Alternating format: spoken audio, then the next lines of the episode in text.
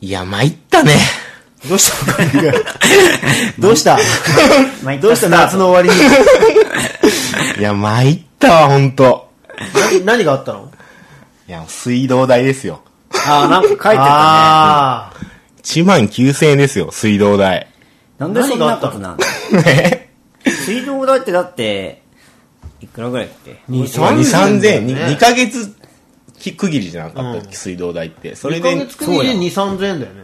1万9000円ですよ。もうびっくりしましたよ、ほんと。何があったのそのある日電話がかかってきて、うん。なんか水道局ですって言われて、でなんか神田さんの家、なんか漏水しても、漏水の可能性があるんでって言われて、んなんか一回見に行きたいんですってけどって言われたんだよ。で、俺がその時に、あーって思い出して、実は台所の蛇口を、あの、お水を出したまんま、一週間ぐらい、放置してたのよ。それは何何な、なんでえ、恋にってこと恋に放置してて、出したまんま。で、ずっとなんかそれ眺めたりとか、まあ、それよえ何それなんかもうアートの世界。 よ普通に横通って、あーまた流れてんな、まだ流れてんな、みたいな感じで、ずっとみ あの放置してたのよ。あ電話かかってきて、あ、それ僕、あの、出してましたって言って、水。え、なん、なん、なんで出されてたんですかって言われて、いやー、あの、なんとなくとしか言いようがないみたいな感じで。え、ちょっと待って。ちょっと待って、これ聞いてる人も多分すごい驚いてると思うよ。何言ってんだろうって。いや、とりあえず、あの、食器洗ってたのね。んで食器洗って、全部泡、泡だらけになった時に蛇口ひねってさ、とりあえずなんか、溜めとこうと思ったんだよ、水を。そこでな、いあの流そうと思ったんだけど、そのまま、そのひねったまま、めんどくさくなって、うんで、放置して、まあ、一週間ぐらい、ザーって流れたまま放置して、だから水道代が1万9000円。頭狂って んのど、どうしたかんだか。水道代ってさ、あの、安いイメージあったのよ。うん。だから別にな出してても平気だと思ってたわけそういうあのせお風呂とかも貯めたりするしあーそねうね結構水って結構使っても金は安いんだっていう思い込みがあってでじゃあなんとなく出しとこうかなと思って それ結構な勢いで。結構な勢いで出したんだよねえ、マジで神田くんなんか、やばい人になってく る。すごいよ、これ、それねだは。から本当夏だからクーラーもね結構使って電気代も結そう構だねな値段で、まあ、水道代も結構な値段して1万9000でだって、なんか、半年分ぐらいやちょねっとしたもんそうだね買えるじゃん。いや、半年どころかなん か、だって2ヶ月で3000円だとそしってかさ、、 1年分やん。そうだよね。そうそう。で、また参った話があるんですよ。何があったのいや、その、まあ、水流れてるのはずっと流れたまんまで、ある時に俺メガネ変えたのよ。変えたというかこれサブのメガネなのね。んで、本当の黒縁メガネのフレームがちょっと割れちゃって、んで、直すために瞬間接着剤をつけてたの。んそれにね。で、あの、勢い余って、レンズのところに瞬間接着剤がついちゃって、で、取れなくなっちゃったのよ。で、なんか曇ってるから、で、こっちにしたんだけど、あ、あれ、もしかしたら治るかもと思って、その接着剤取れるかもと思って、っていうのは、ティファールの、あの、ポットもあるわけ、俺、ところに。で、そのポットに、そのメガネを突っ込んだら、なんか熱湯で取れるんじゃないかと思って、で、ティファールをつけて、で、沸騰した瞬間にメガネ放り込んだのよ。あのメガネの黒縁が白縁になって、 全部、あの、塗料が取れて、で、もうなんか、あの、歪んじゃって全部が、で、もうどうしようもなくなっちゃって、そう。で、メガネ一個な潰したっていう。いや、ごめん、これなんか全然、唐突すぎる し、手が浮かばない。あの、そう、人の、人としてのなんか感性が確実に何か欠如してる気が して、いや、そうさ、せめてさ、その、お湯沸かして、それをこう、かけたとかなら。かけたとかさ、皿にお湯をためて、そこにメガネ突っ込むとかじゃなくて、うんティファール自自体体にに突突っっ込込んん だ。だの。で、ガチャって閉めて、で、あしばらくしてみたら、白いものが出てきたって。都市伝説の話を聞いてるようだよね。その間にも、ずっと水は流れ続けてたっていうね。俺の夏の後半の出来事です。そっか。完全に夏にやられちゃってます、ね。やばいね。いや、参った。 夏のせいか。夏のせいだね。いや、神田くんの私生活、ほんと定点カメラとかで見てみたいよね。ろくなことや だっっててないそのカメラが白、あ、カメラじゃないや、えっと、メガネが白くなった瞬間とかさ、うん声とか出ちゃってるんでしょうん、出たよ、 そりゃ。あーとか JJJ。 だよね。初めて使ったんやろ、それあー なるほどまあね。そんなことがありましたよ、ほ本当に今週。そっか。はい。クレイジーやないや、もうちょっとなんか言葉もないわ。なんか、いや、それは、それはやばいねとかいう、その共感とかもないよね、 もう。とりあえず、その、ストーリーをまず理解するのに、だいぶ。おい、特に水出してたとか、本当意味わか んない。なんで出してたんだろう、自分でもわかんないんだけどね。とりあえず1万9000円の請求が残ったっていう。あ、そうう。ん。バカなことばっかやってんなと思って。そうだね。もうそこは否定のしようもない。金の無駄遣いをすごいしました ね。メガネももう、でももうなくなっちゃったし。結構な値 段、結構な値段したメガネ が修理できると思ったら。そっか。じゃあ、そんなわけで、タイトルコールいこうか。まだ今月までは、ちょっと夏にやられちゃってるから、そうだね。 まあ実は今回ちょっと配信遅れてるんですけども、まあいろいろね、今回のスペシャルなはい企。画があるので。あるんでね。はいはい。じゃあ、じゃあ最後までとりあおえず聞きください。はいサクッといきましょうか。はい。じゃあ、アナ・オクボと、サブカルチャー潜水の、レディオネックス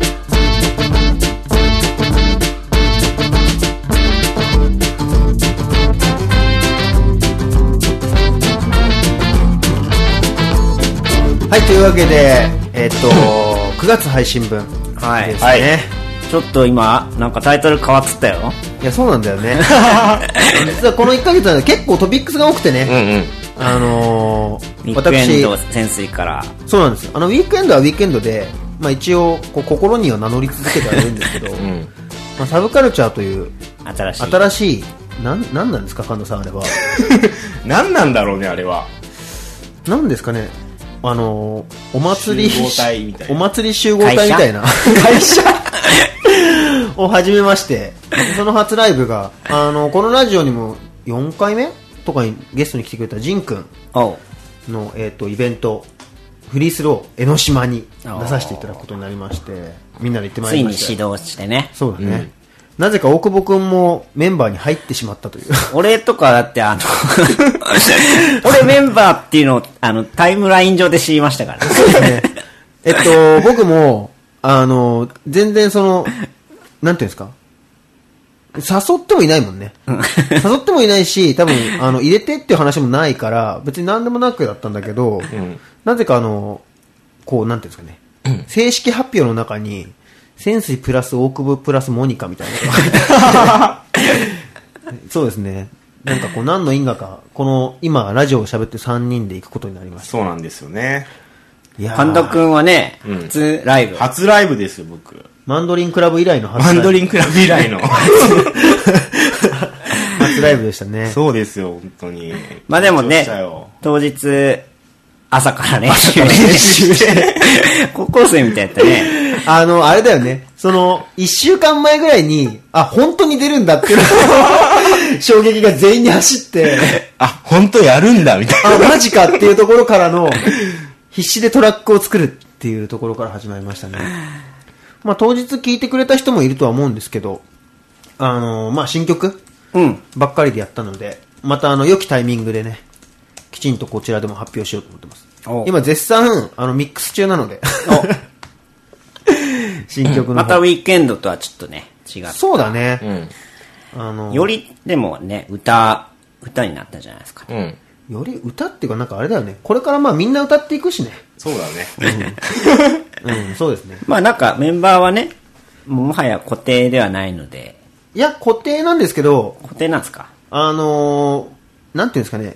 こう、脱退っていうことがない ので、基本的には。だから基本的にはどんどん増えていくっていう方向ですね。まあちゃんとした曲もあるので、皆さんもちゃんとあの楽しみに待っていただければとはい。いいう感じです。ちなみに初ライブ、神田君はどうでしたかや、めちゃめちゃ緊張したよ。あ、そうん。あんな真ん中行かされて。 俺最初敬語だったもん。なんか、これから始めさせていただきます、みたい な。あ行くぞ、行くぞ、みたいななかったもんね。う。そうだね。なんかもっとこう、結構勢い出すのかなと思って出せなか、ったみんな楽しみにしてたんだけど、全然出せなトかーった。クショーのテンションやったうね。ん。あ、どうも、ライターの神 田です、みたいな。みんなお客さんも、えライ ターお客さんがポカーンとしポカたーンの。だったよ ね。そう、だからなんかまあ皆様、あの、気軽にライブ等々誘ってくださいませ。そうだうね。ん。もうガンガンやっていきます。僕もラップ覚えようかなと思ってる。そうだね。うんうん。これからはまあこう、弾けないギターを弾くんだぜ的な感じで。そうだね。うん。できないラップをするんだぜっていう方向で、 みんなでやっていこう頑か張りなま。すよ。というわけで、そんなわけでね、今回はあの、公開収録の様子なんかも、はい。あれなので、あの、お送りするので。はい大。阪でやったね。はい。なんですよ。なので、あの、後半、それを流します。はい。はいよろしくお願いします。ミケルですのレディオレッツ今流行りのスモササイズ頑張ってます赤津ですあのね、俺はこの夏思ったのよ。うんなんかこう、V ネック率が増えてんじゃないか と。俺でも V ネック一着しか持ってないよ。思ってんの ?V ネックなんかね、その、でもその、なんか、違う V ネック。じゃあ、み俺んなね、が持ってる V ネックとは違う。俺、結構心の底から V ネックを憎んでるってことに最近すごい気づいて。え、V ネックってこの、この V ネックそうそうそうそう。あのさ、T シャツのここが V になってるやつ。はいはいはいはい。あれ、起きてる人と何か分かり合える気がしないっていうのが え、俺 V ネックばっかだったよ。マジで、んそれはあの、V を一番表に切るってことやろ。そうそうそうそう。 V ネック、いや、あ、そうか違うか。あのね、結構下着として切る人そう、は多い下んだよね、着として着てた。あ、下着なら OK だよ。あれでしょその、シャ、あの、シャツが上にシャツが着る見えうん、そうそう襟シャツから見えないようにの V ネックでしょそうそうそうそうそう。あのさ、こう、U ネックとかさ、V ネックとか、この、脇を出す、わ脇じゃないんだよ。なんていうの首あのー胸をさ、うん男で出すっていうのがさ、なんか結構許せないってことに最近気づい て。これ、これはなんか、あんまり共感が得れない話かな。一着だけ持っとうのは、うん昔、あのね、ボアダムスのう物ん販 T シャツが、なぜか V ネック。 ああ、そういう流れね。なんか、じゃあ、あの V ネックのなんか無駄なセクシーさみたいな。うん。あれを感じた瞬間に俺はなんかすごい引いてる自分がいるなっていうのに最近気づいて。まあ V ネックはまあ、なんかてか、切れないよね。あの、ブーツインできないのと一緒よね。いや、ブーツをもうだって履かないじゃないですか。 ブーツなんて履く瞬間あるま男のブーツも俺よくわかんない。ブランキー・ジェット・シティが許さないよ、本当に。ブーツ履くなんて。ブーツもまあ、昔は履いてたけどな。え、どんなブーツ履いてたの僕、あの、中学の頃履いてた。へなんかあの、エンジニアブーツみたいなやつ何ブーツってあるんだ、あの、厚底のやつ。 背が高くなるやつ。ティーエモリボリューションみたいなやつ。 違う、中学の頃ね、あの、あれやったよ、俺。なぜかね、ベルボトム履いて、うん。なんかね、ローリー・テラシにめっちゃ憧れてて、コメントもらってるぐらいだもんね。そうそうそう。なんかね、まあ、周りは結構ストリートスタイルがか、なんか主流やったんやけど、なんかそれも嫌で、おしゃれにはすごい興味あったんやけど、なぜか一人こうラッパズボンにブーツっていうのが履いてた。 え、それ何なのそれは。そのスタイルからどうやって今のスタイルに移行したのいや、だから常にこう、ちょっとこう、みんなやらない格好をして、暮らしてたんだ。あそうそう昔はね。なるほどね。神田君なんか無理してたファッションの頃ってあるの無理してたファッション、ちょっとこう、トライはしたけど違ったなっていう。俺はね、俺ほんとダサかったんだよ、でも。あ、そうなんだ。うん本当に、今もまああれだ、あれだけど、もう定番のしか、今度、無難な感じになってるけど、ほんとダサかったんだよね。どんな、どんなダサさだったっけな。いや、でも、変形ズボンとか。えなんだ、変形ズボンって。いや、おあ、そうだ。あのね、 俺なんかね、あの、短パンうん。あの、なんて言うんだろう。えーっと、膝上ぐらいの短パンじゃなくて、本当にアスリートが履くようなうん短パンをずっと履かされてて。小学校とかねそう小学校の時。アスリートが履くような短パン。あの短いパンホな ットパンツみたいな、ホットパンツみたいなね今あ昔はでもなんか、多かったよね。あれとね、そのホットパンツか、そのホットパンツもなんか、すごいね、ヒョウ柄みたいなのが履かされて てー、、すごいね。それ、いそれか、俺、オーバーオール。オーバーオール子だったんだよ、俺。それ小学校の頃。小学校。でもさ、小学校の頃、オーバーオールっ子って言ったよね。それ俺なんだよ。いやでもね、俺も何回か着てたもんね。 いつからさ、その、ファッションの自我に目覚めた。中学とかじゃないうん。俺も中学だね。オーバーオール着てたもん、俺。じゃあ、小学校はまだもう、親に言われたものを着るそよう感じそだ、うそう。俺、小学校からもう、バリバリぶ。っ飛んでた。何着てたのなんかでもその頃は多分おしゃれっていうより単純に、そのなんか、俺田舎にさ、と小学校の途中で引っ越して、ひすごい福岡の都会から突然その、笹栗にねそう。 超田舎に引っ越してきたから、うんもうなんかね、その、来た時点で、すごいなんか髪型が斬新とか、まあ普通、普通なんやけど、その、チヤホヤされたんや。うん。で、まあ、それにこう調子乗って、なんかそのみんなが持ってないものをね、着ようっていうのがあって、え、その、田舎笹栗でさ、どんな服を選んで何を着そたうなんかね、 あの、単純に、まあみんな短パンにそれこそ T シャツとかさ、ジーンズに T シャツとかなんやけどさ、なんかその T シャツの上に、あの、バスケットのユニフォーム着たりだとか、うん。え、で、下はベルボトムなの それはそれ、それは中学校のあ、それまた時期が違うの。そう。あとはね、あの、ベスト、あの、ポケットがさ、あー、いっぱいついてあの、あれでしょ釣り用のベストだよ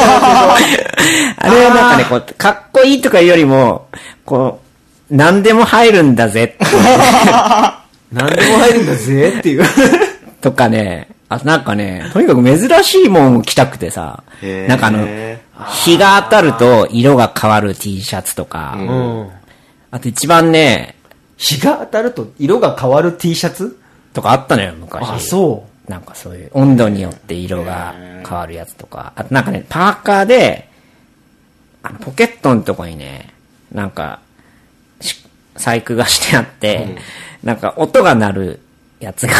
あっなんだそれは て、。そういうようなものをね、見つけるたんびに親に買ってもらいよって、へなんかその学校で人気者になれる感がすごいあっ てさ、いや、もうすごいよね。その、もう、物で人気を得ろうっていう考え方が一緒だ わ。授業中にね、あの、引き出しとか開けるとね、その、ピロリロリンってあの、お腹にさ、うん そのボタンがあるけどあるかさ、音が鳴ったでしょって。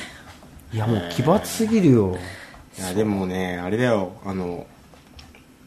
やっぱ小学校の頃から、ちゃんとそれで自分で考えて買うとかいうのは本当重要だと思う。うん。なんか、うちもなんかさ、あのー結構買い与えられたものが特に違和感なく着れるものだったから、うん。なんかその時期がずーっと長かったから、うん。いまだにあのブランドショップとか行くのすごい引くもんマジか。なんかこう中入るじゃんそうするとなんかこう店員とかに話しかけられてもすげえ嫌な気持ちになるもんそうだね。それはわかるわ。福山は苦手やん僕はね。苦苦手。あれさ得意なやついんのいや、まあ、その、いいんじゃない得意っていうか、まあ、何も、なんやろね。試着とかできんやろあ試着するする俺あ、はする俺は一応ね試着とかすることにはしてるのよ試着しした時にさ、うんあの、試着室入ってさ、うん出てくる。出てこない中で自分で完結してうんもう全部自分で完結しそうて、やね OK っていうその感じしか許せないへえ。あの、店員さんの言葉とかいちいち本気でムカつくからね、なんか。あの、なんかそうだけどさ、店員さん何言ってるかわかんないんだよな。そう、わかある。の、ステッチがどうとかさ、そうそ縫うそうい目のこだわりとかさ、そうそうそそういうのをうーんって聞いてんだけど、全然何も分かってないっていうね。う。結構腰で測れる方も多いです ね。うるせえと思っちゃう。もうそういう説明書いとけよって思って。思ってしまうんだよね。か一番高かった服いくらく、なん、値段はね、まあでも高校時代とかが一番使ってて、まあなんか値段で言うとそこまでやけど、T シャツ、1万4000円の T シャツとか買ったかな。バカ言うなよ。1万4000の T シャツなんてなんだよ。だって、ナポリタンとか食ったら一発で終わっちゃうじゃん、そんなの。ピピピって飛んで終わりでしょそうそうそう。しかも、一回も着なかったっていうね。なんなの、この思想は。それなんかね、あの、ネメスっていうブランドが流行っててさ、当時。結構その斬新な、もう、奇抜な服を売るとこでさ。で、彼女、そのと高校の時の彼女が結構もう、なんだろうな、あの、ビビアンとかさ、全身ビビアンとかもガビビチア、ンスーでしょ ウエストウッドね。 ガチガチの人でさ。で、こうそう、それにこう負けてられないから、その奇抜なネメスっていう服のショップに行ったんやけど、基本高くて全部、T シャツぐらいしか買えんで、で T シャツもなんかその、もうさ、もう店に入るのでさえさ、緊張してさ、んあの、学ランっていうか制服で行ったけどさ、でもとりあえず一番安い T シャツをレジに持ってって、帰って着ようとしたら、なんかね、形が斬新すぎて、なんかね、 頭が入んない。あ、もう試着もしなかったな、その時。そうそうそう。試着する勇気もなかったっけ、すなんかそれ多分ね、レ、なんかさ、おんレディースなんかなよくわかんけど、本当にあの、どう頑張っても頭が入らんで、多分もう二つぐらいサイズ上を買わないかんやったんやけど。で、結構その1万4千円で使って買ったけど、切れずに、で、一応、あの、ハサミで自分で、もともと斬新やけんさ、もういいだろうと。これ、もっと斬新にしてもいいだろうと思ってさ、ハサミでこう、首を大きくして、着た、あの、着てみたけど、今度は着着たら、あの、後ろはね、お尻ぐらいまであるんやけど、前はへそまで届いてないよう なシャツ。すごいね。ちなみにその T シャツはもう捨てちゃったのもうない なそっか、残念だね。それもう、ぜひこのノベルティと して。だって最終的に、単なる布、 布みたいな感じになったけど。布1万4000でしょ なるほどね花をこうの三池田先生のレディオレックス I am パターゴルフ意味ないけど MC モニカの自由形てな感じで始まったんですけども、なんか久しぶりなんで、あの、2回ぐらい休んだのかな、なので、まあちょっと久しぶりに趣旨説明の方を、はいあの、まあ元ウィークエンドの、はいえっ、と、モニカ、MC モニカが、んえーできないフリースタイルに毎回挑むというコーナーですね。そうですね題して、 MC MC モモニニカカのの自自由由形形。っていうことですね。あの、フリースタイルをね、やってもらおうと。一応、一番の人気コーナ一番の人気コーナーなんだけど、今回ダメだ ぜ。だからこん、 今回基準でみんなに聞いてほしくはない。 ー。正直。 いい時はいいんすよね。いい時はね、ほんと面白い。あのね、結構ね、1、2回目ぐらいのやつが ピークだったかな。あの、今ならバックナンバーも聞けるので。そうですねはい。まあでも、ルールとしては、ビートを送って、んあの、もう、一発撮りというか、そうだね。必ず、ただまあ、最近の流れとしてはもう一発撮りでも何でも ない。編集、編集の妙が目立つっていうあ感じかな。の、ドラマみたいになってましたからね。そうだね。なのでまあじゃあそれを聞いてもらいましょう。はい。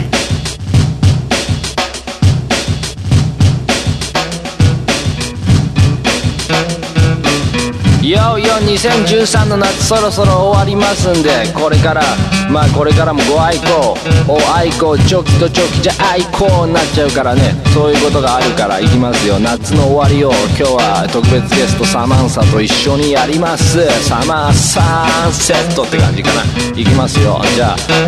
夏の終わりのカンタービレみたいなノリかな皆さん聞いてねこれは、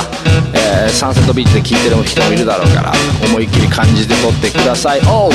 海の終わりだぜイエイイエイイエイ夏の終わり近づき少年たちはまた宿題をやったりしているそんぜん泡盛に木の枝や謎の棒状のものを振り回してペダルレベル水を浴びて楽しい状態になったりした熱血様そうそんなことがいっぱいあったけどやっぱり今年も終わるぜサマよータイムよ俺の体はやっぱり今年もトロトロの状態だフリフリをつけた女の子に会いに行こうそいつの趣味をパラパラ言ったら頭ちょっとピリピリおうコロコロしてるものがあるから何でもったら謎のボールだってグッバイバイバイグッバイバイサマー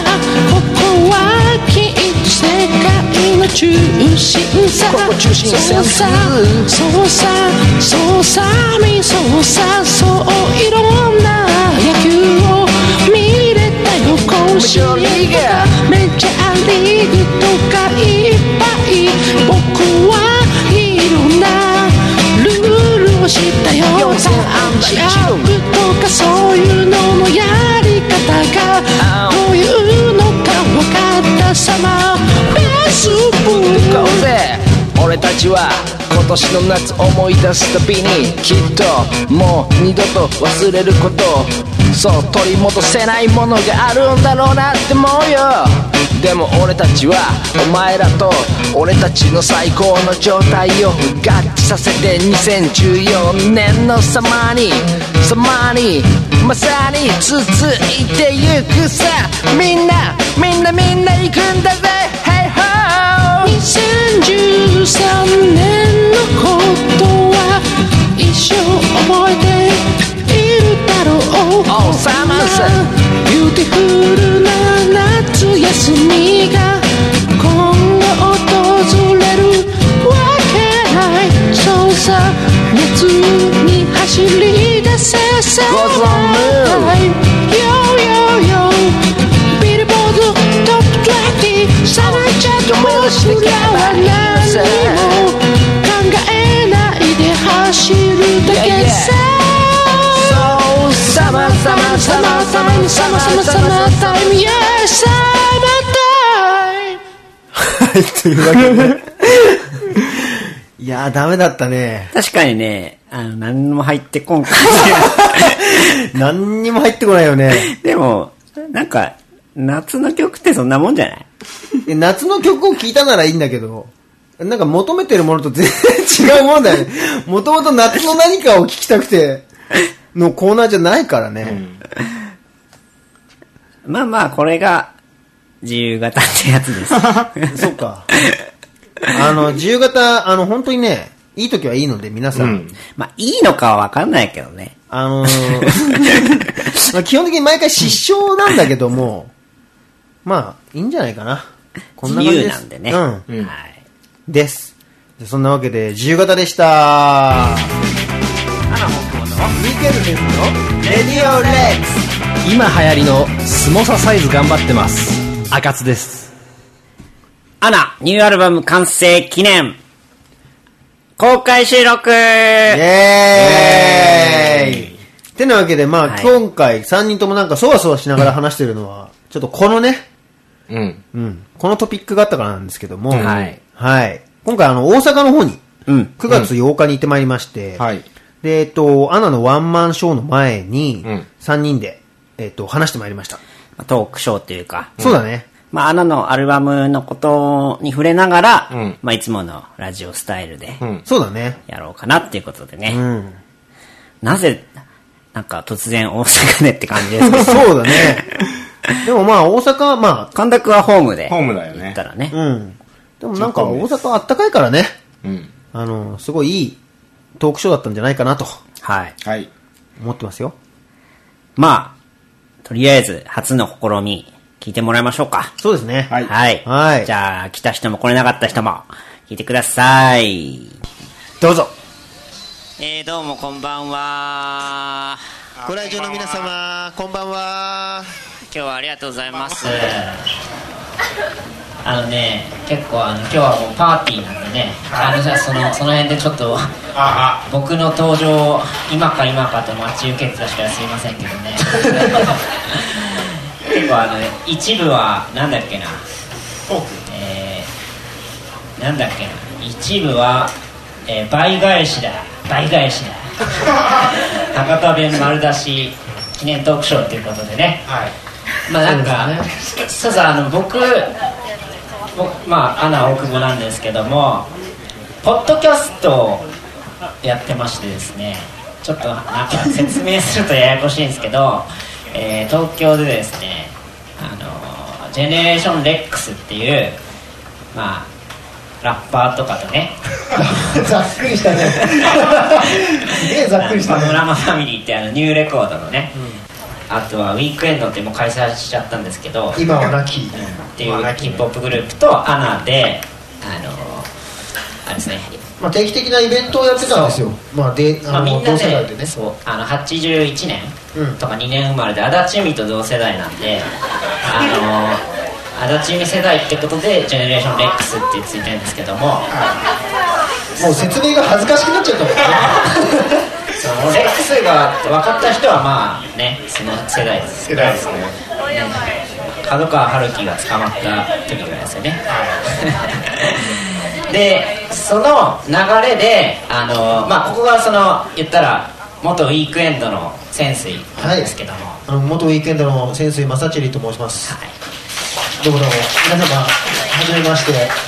てでまあポッドキャストっていうラジオ番組みたいなのやってて iTune とかで配信してるんでね、まあ、さすよかったがらにみんなポッドキャストぐらい分かりますよねポッドキャスト知らないって人ほら大丈夫だよ ちなみにそのあのレディオレックス聞いたことある人いますかおおありがとうございますあんなくだらないものを本当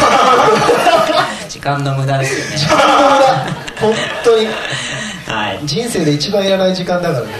まあそれのまあなんか収録も兼ねてね今日はちょっ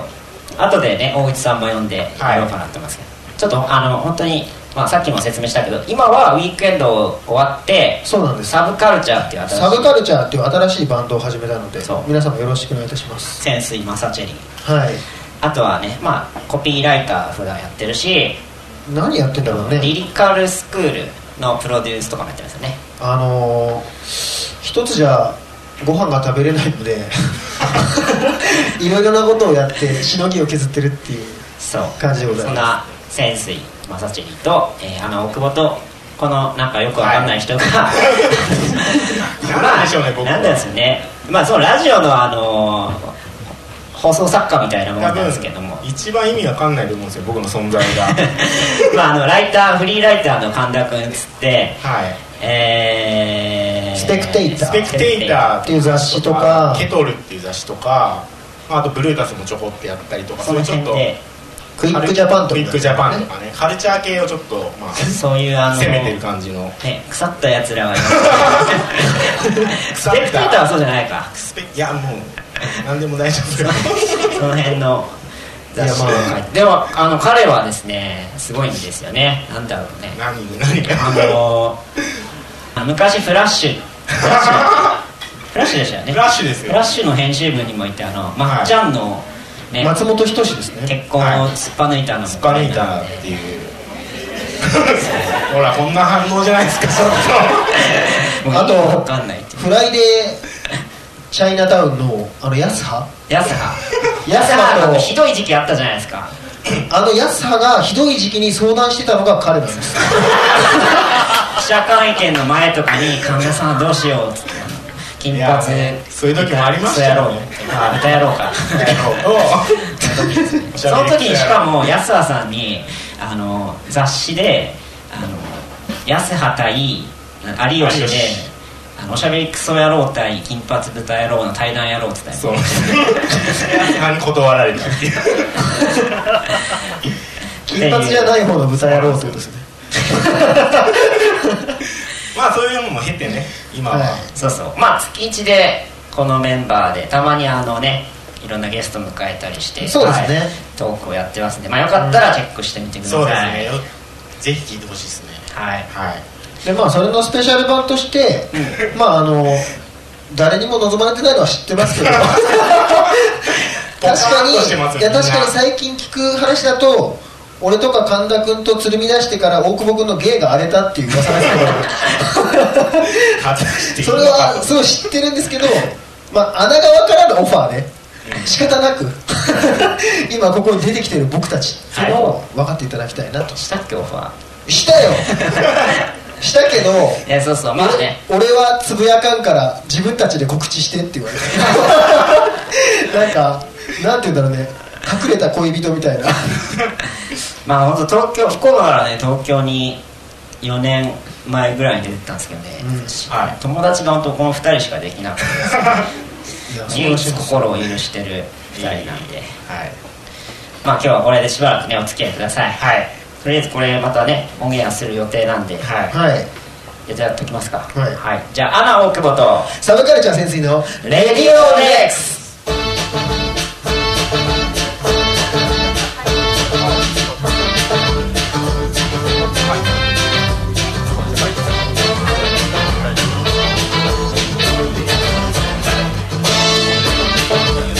はいというわけで始まりました、はいどうもどうもどうもいやいやいやでい、や知っすねてるよみんな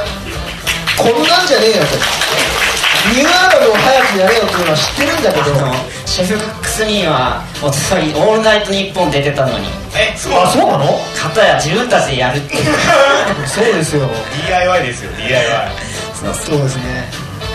まああのーあれちょっとね聞いてくれたりツイッター見た人は分かると思うんですけどいろいろメールテーマみたいなのを募集しててそうなんですよあのーこんなアナのニューアルバムは嫌だ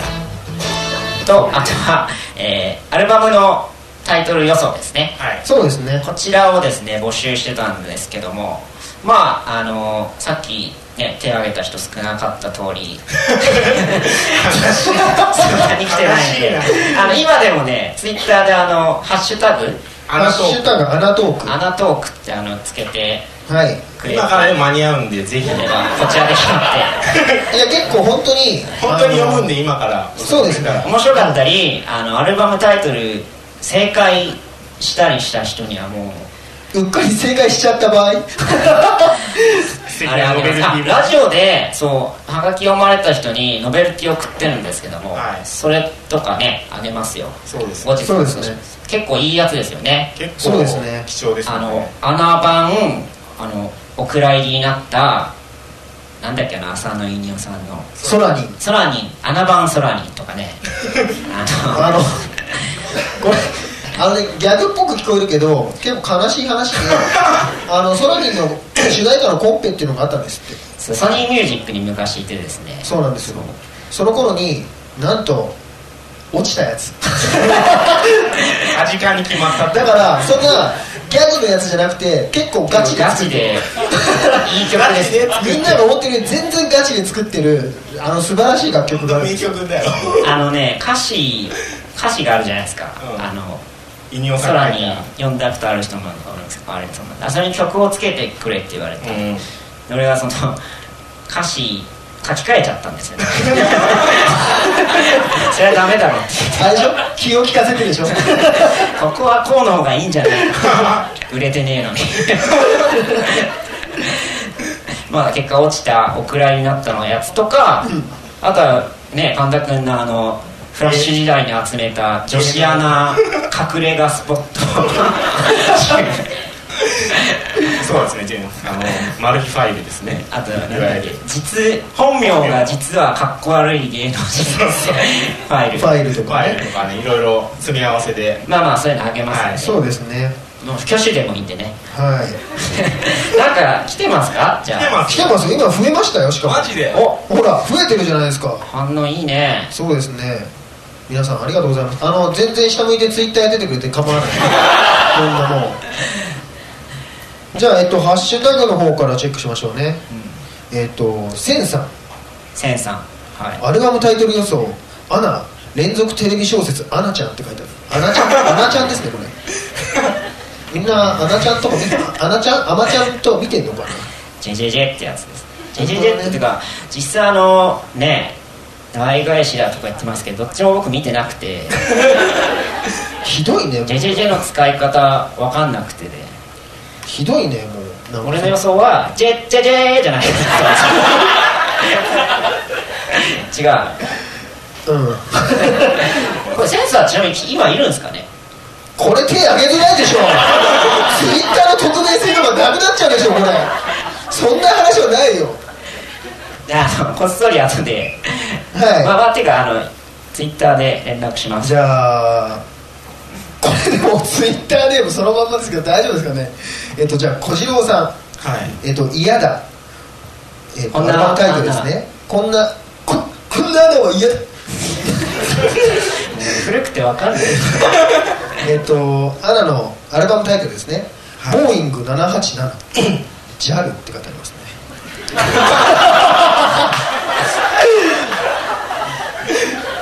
いやこれはねアナただでさえね訴えられてるからねすね ANA からね怒られてますからねそうですねダブルで行くっていう もう世界中の航空会社と揉めるバンドっていうあでも JAL さんは、う JAL さんって言いますけど、うんあの結構寛大で、うんはいあれですよねなんかあのー国内線のなんだろう荷物預けるとこにうんギター専用、JAL 専用ギターケースをなんか導入したらしいんですよ、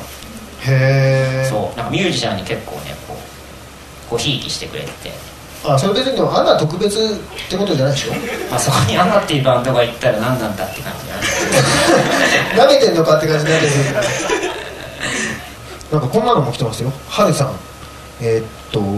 ジャケットも歌詞カードも全てが炙り出しになっているこれはすごいよね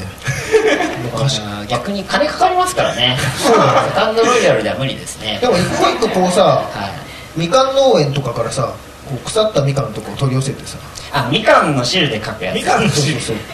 そう自分で書いてきゃいいんじゃないのこれそしたらお金かかんないよ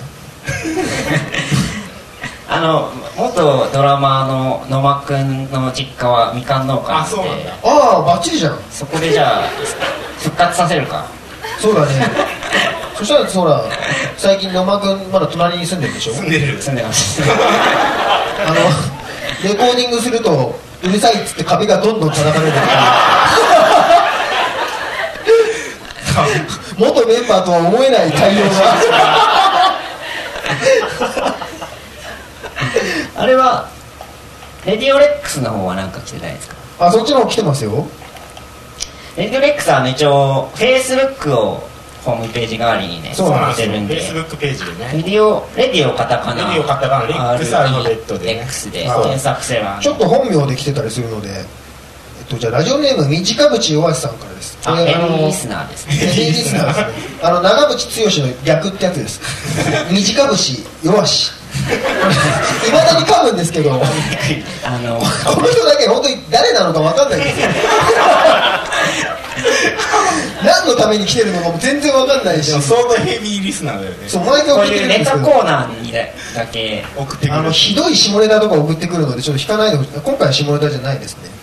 えっ、とこんなアナのアルバムは嫌だベランダに吊るしておくとカラスが来なくなった これでも使い方次第でどの CD もなるからね別にアナかての話しないも んねちょっと面白いねそれさすがって感じだよねですね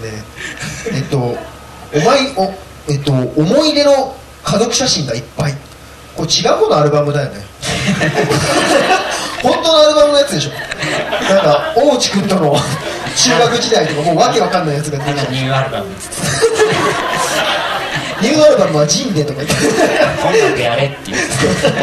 まあこのげこの現時点で結構その可能性あるけどそうだね音楽やれって言われてる可能性はあるけどステージ一つだってますから今日やるのか結構心配になってるっていうね違うよこれこう俺たちは今時間稼ぎとして出てきてみんなの木がこっちに向いた間に裏でめっちゃ大地君練習してるからね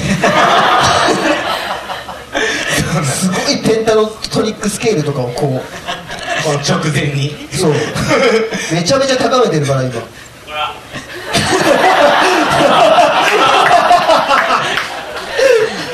じゃあゲスト大内君です長いよ長いまだやんのこれでもちょっとあと2個ぐらいかなあと2個ぐらいんジャケットと中身が違うっていうこれそもそも100円ブックオフで買ってますもんねこれだけそうだね発売日に買ってないっていうで最後です聞いてると死にたくなる これはある種そういうものかもしれないしね 実際発売されたらさなんか東京の寂しさが爆発してさめちゃめちゃ暗いアルバムっていう可能性もあるからね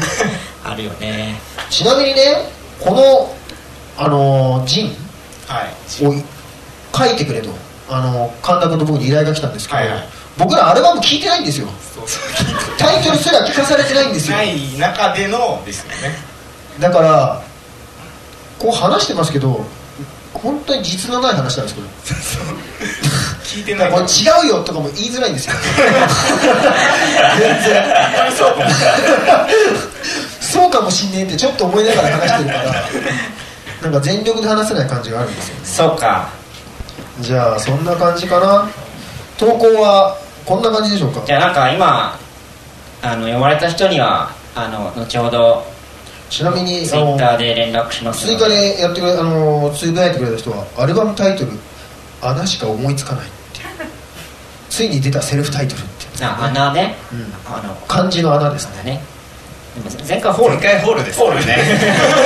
花でなんかあの中国版が出たみたいな中国進出みたいなあのー、あれですよレコーディングなどのねはい、というわけで公開収録でした。はい。どうでしたか、皆様。まあ正直今ね、まあ公開収録前に撮ってるんでね、何の感想も出てこないっていうのがね、はい正しいとこじゃないかなと。よかったですよねうん。でもやっぱりなんかこう、みんなの前で話せるっていうのはすごい幸せなことなので、はい。これからもね、なん東京とかでもね、うん。できればやりたいですね、また。それこそなんか、イベントに差し込んでもらうのも可能だからね。いろんな。 全然、あの、知らない人たちの前そうでだね、喋ろと言われれば、いくらだって喋るよ。レディオレックスショーとしてそうだね。なので、そんな感じでございます。で、実はですね、今回、あのー、普通おたが来てまして。おうありがとうございます。はい。えーっと、じゃあそれをちょっと読んで、今回の最後にしようかなと思ってるんですけども、ラジオネーム満腹さんからです。ありがとうございます。えーっと、レディオレックスの皆様、こんにちは。こんにちは。はい8月3日の緊急ミーティングにお邪魔させていただいた満腹と申します。かっこ神田さんの隣に座っていたものです。えっと、ミーティングでは楽しい時間を過ごくさせていただきありがとうございました。どうも。えっ、と、先日、驚きの事実が発覚したので、報告したくメールをお送りしました。えっ、と、ミーティングに参加されていたリスナーのお一人である、まるまるさん、えっ、と、過去3人目に合流した方ですね、と、それ以降もライブ等でお会いして交流していたのですが、なんと、お互い共通の友人がいることが分かったのです。えっ、と、私の高校時代の友人が進学先の大学で、ペコさんと同じえー部活に入っていました、えーと。緊急ミーティングに参加していなければ、こういったつながりも生まれなかったかと思うと、まさにレディオレックスが引き起こしたミラクルとしか言いようがありません。素敵な出会いをありがとうございます。えーまた、江ノ島のイベントは残念ながらいけないのですが、いつかサブカルチャーとアナの対バンを実現してほしい です。これからのレディオレックスも楽しみにしています。それではということです。ありがとうごあざいりがとうございまます。いや、でもこれは本当ミラクルっちゃミラクルですよね。す。嬉しいですね。この広い世界で つながりがあったというのはねそうそうそう8月にねあの本当に緊急のミーティングまあ暇だから飲もうっていう話だっただけなんですけ どはい まあそんなことしせずに早いとこ収録しろやって話もあるんですけどでもまあ8月3日にそれもあったので、んまあその際に、あの、何人かリスリナースの方ナーもの人が遊びに来てくれてね。前日告知とかの割にね、結構みんなちょこちょこ来てくれて。そうだねうん。すごい楽しい回だったんですけども。そこで集まった二人が実はそうです知ねり合いがいたってことそうねそうそう。共通の知り合いがいてえ、あの、繋がれたと。アナのライブにもね、その後来てくれて。あ、そうですね。うん。いやいや、またなんかこれでね、面白いことにどんどん繋がっていけそうだば、ねいや、本当にそうですよね。やってる甲斐あるなって感じですね。本当本当そう思います。はい。なんか、こう、やっぱり人とのつながりっていうのがね、大事ですから。 まあでも世間が狭いな、なんて、世界は狭いな、なんて言ってるうちはね、まだまだ、狭い範囲でしか生きてないってことですよね。そうです ね。なんだこれそうですね、サブカルチャーをまた、あの、お誘いがあったらライブもガンガンやっていくので、はいなんか結構一発の企画ものと思われてるんですけ ど、あの、結構ガチでやっていこうとは思ってるので、期待してますよ。はい。ってなわけで次回は久しぶりにコーナーの方、あの、真面目にやってみようかと。はい。企画。はい。はい。なっております。で次回は、なんと、ライター神田 の映画、黒歴史スペシャルです。おー、面白そうですね。ねえ。これ神田くんどんな趣旨なんですか久々に僕がね、企画を考えたということで、そうですね。今売れてる人たちにもですね、俳優さんとかでもです、俳優さんとかにもですね、下積み時代があったわけですよ。うん。その時に出てた恥ずかしい役とか、うん。っていう感じの恥ずかしい役で出てたよっていうような事実を掘り起こそうっていう成仏させようっていう企画なん でああ、そのもう、悪意恥はないずかしいやつをね。そう悪意は ないです例えば、例えばねキッズリターンにキッズリターンにね実は工藤感が出てるんですよ今アマちゃんでもうだい飛ぶぶ鳥を落こ落とす勢いですよね、本当に。工藤感がカツアゲされる役で出てるっていうねちょい役でちょい役でなるほどそうね。いう感じのものをですね発掘してきてもらえればとなるほど。ちょっとじゃあ皆様も、実は、あの映画にあの人が、あの映画でミポリンのおっぱいが、みたいな、そういうねそういう。ことですそういう映やつ画をねの裏話とかね。そうだねなんか、映画じゃなくてもいいよね、も うね。なんか黒い歴史が知りたいから、みんな基本的には。